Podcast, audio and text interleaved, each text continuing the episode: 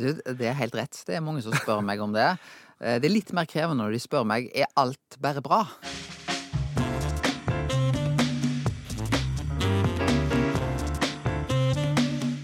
Som KrF-leder skapte han mer dramatikk enn vi er vant med i norsk politikk. Han spilte høyt, og han tapte.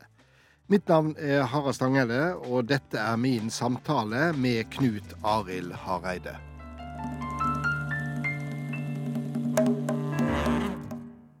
Ja, du er arkitekten bak et av de mest dramatiske og spesielle politiske oppgjør på svært lang tid. Som eh, leder i Kristelig Folkeparti la du både din egen politiske sjel og din egen posisjon i potten, og du tapte med ei håndfull røyster.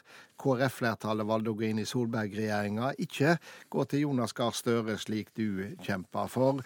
Og er det mange du møter nå som ser på deg med litt sånn medkjensle i blikket og sier 'Hvordan har du det egentlig, Knut Arild?' Du, det er helt rett. Det er mange som spør meg om det. Eh, Det er litt mer krevende når de spør meg er alt bare bra. Eh, For det er nå et spørsmål som jeg tror er vanskelig for mange å svare ja på. Eh, Jeg har det ganske bra, men selvfølgelig jeg var skuffa over det valget som, som vi landa ned på. Og jeg la min politiske framtid i det. Eh, Jeg tenkte at skulle jeg lede partiet, så, så måtte jeg vinne fram i den eh, saken. Eh, Og jeg mente òg det ville være best for partiet om jeg tapte, at det var noen andre som leda partiet videre. Så ja, det, er- det er viss medkjensle å få når jeg møter folk. Litt sånn som en møter folk som har mista noe som er kjært, eller? Ja, eller jeg tror på en måte det jeg opplever egentlig er noe paradoksalt, fordi både de som støtter meg i partiet, og de som ikke støtter meg, de syns egentlig at det jeg gjorde i høst, eh, står det respekt av samme hva. Så jeg opplever egentlig at eh, som partileder så var høsten 2018 Da var jeg mer populær både blant de som støtter meg, og de som ikke støtter meg i partiet, enn jeg var egentlig i valget i 2017. Da jeg på mange måter ble for uklar, ikke nådde fram med KrFs politiske prosjekt. Så, så uavhengig av hvor en står, så tror jeg det står en viss eh, respekt for det, det jeg utfordra partiet på i 2018. Ja, for det var jo dramatisk det som, eh, som du gjorde. Ja, eh, det var det. Og det var ikke min plan etter valget i 2017. Da var planen min å bli i den posisjonen vi var i. Eh, altså i den vippeposisjonen. Eh, Så, og vi kom jo, vi gjorde et godt budsjett. Vi fikk endra pleiepengeordning, vi fikk lærernorm på plass. Vi ble kåra til budsjettvinner. Mm. Vi hadde Listhaug-saken, som, eh, som, som absolutt vi håndterte Ja, godt. var du, var du villig til å felle henne hvis du ikke sjøl hadde trukket konklusjonen?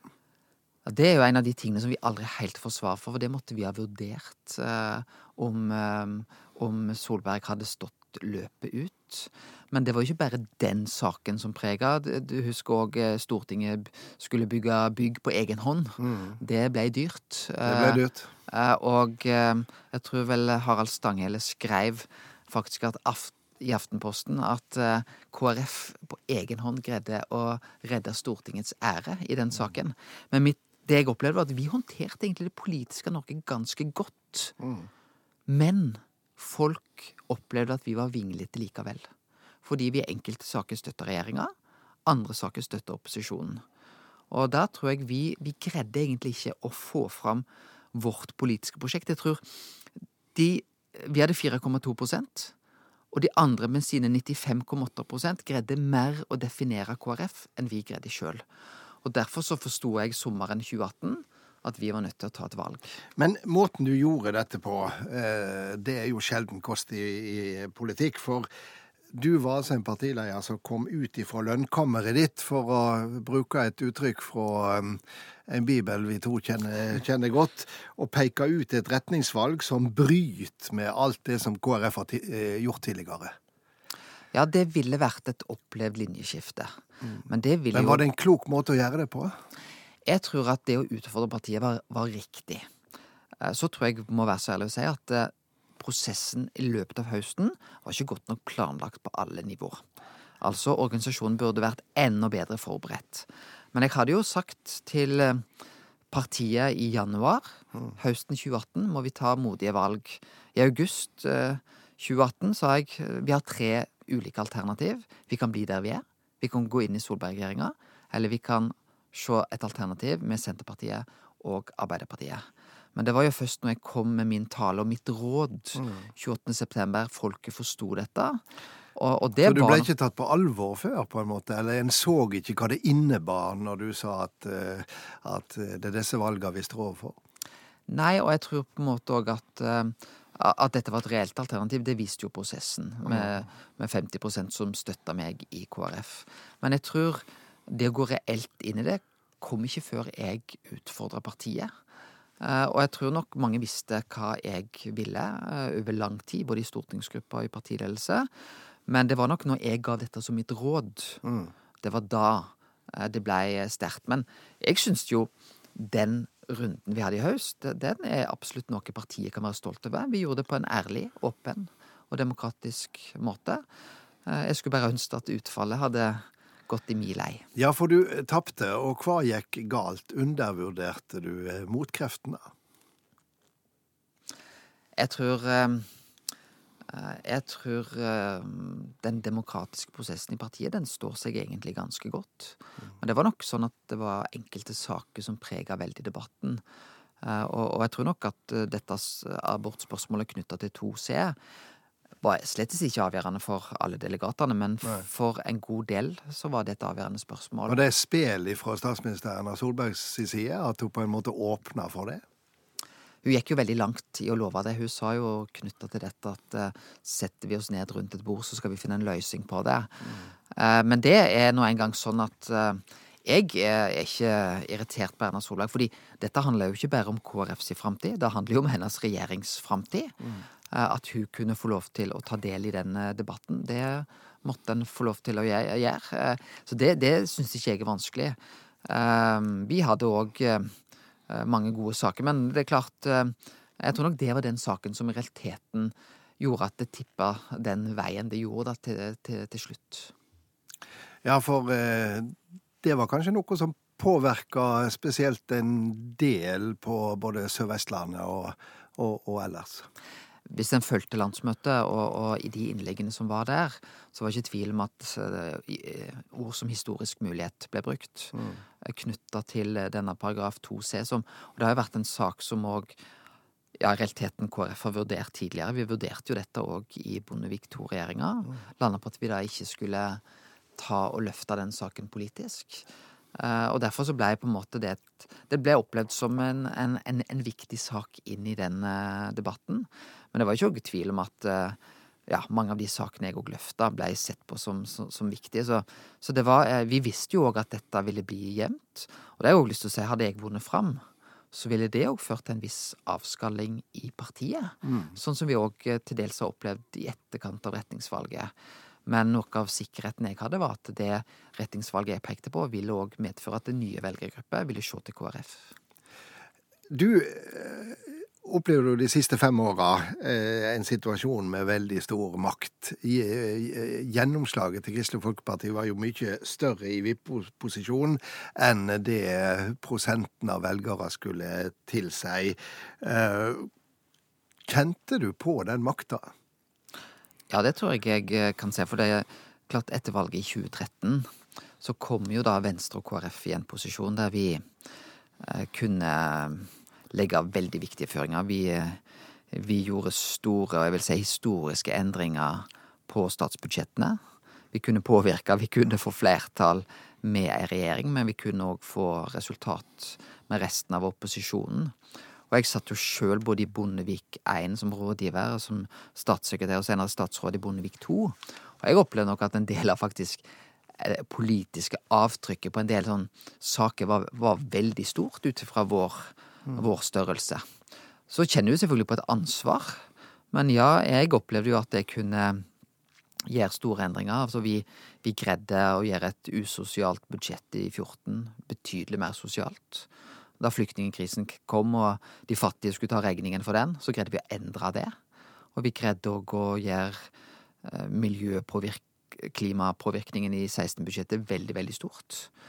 Eh, så jeg så jo, og som jeg sa, vi fikk det en lærernorm eh, på første forsøk. Så vi greide jo å få til gode politiske resultat. Og det er klart du blir jo påvirka av det.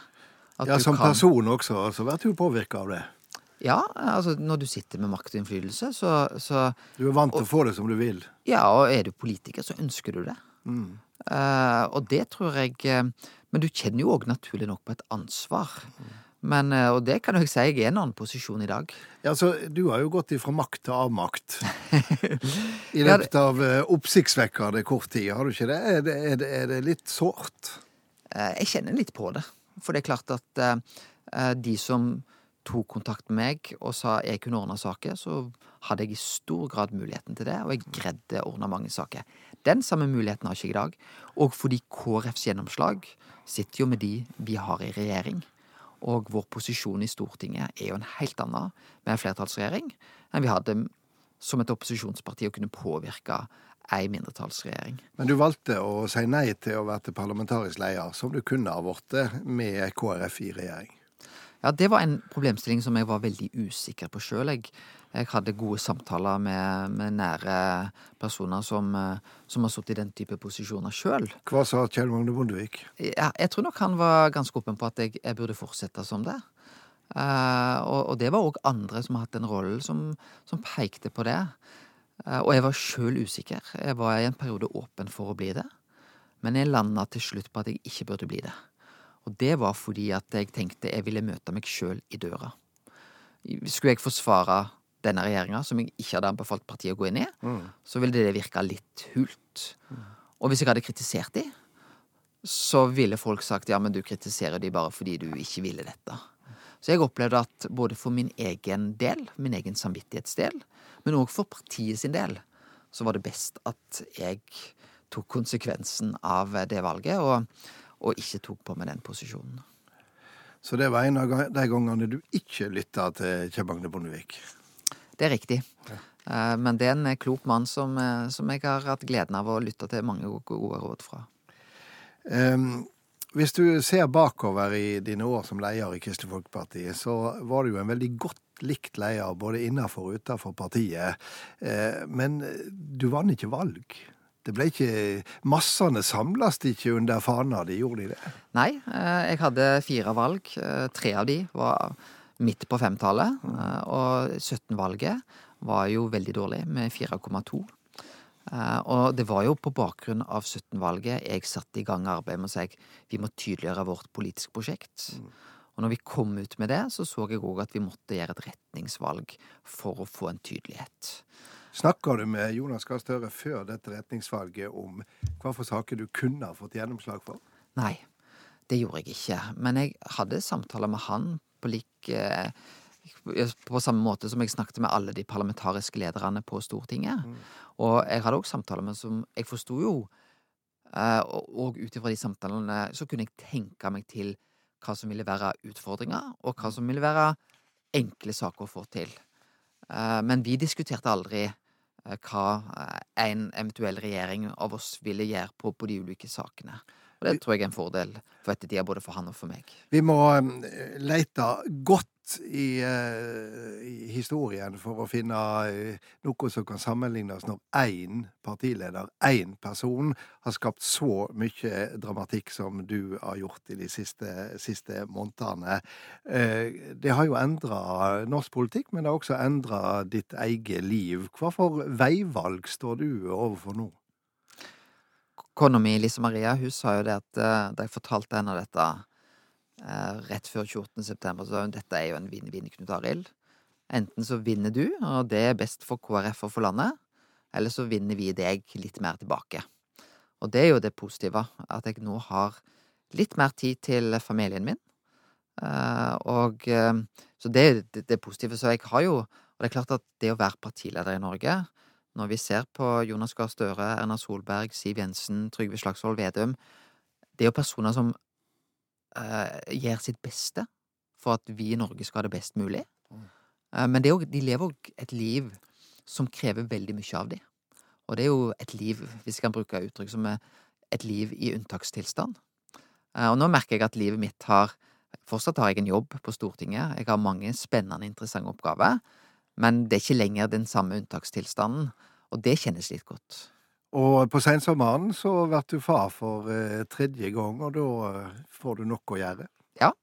Det, det hadde nok kanskje blitt eh, samme hvordan det ville gått eh, med, med, med veivalget. Men eh, jeg får jo mer tid til å være sammen med, med mine. Og jeg merker jo faktisk, det er jo litt skremmende, at barna mine allerede etter disse få månedene forholder seg til meg på en annen måte. De kommer mer og spør meg, fordi de veit at nå kan òg pappa si eh, mer ja.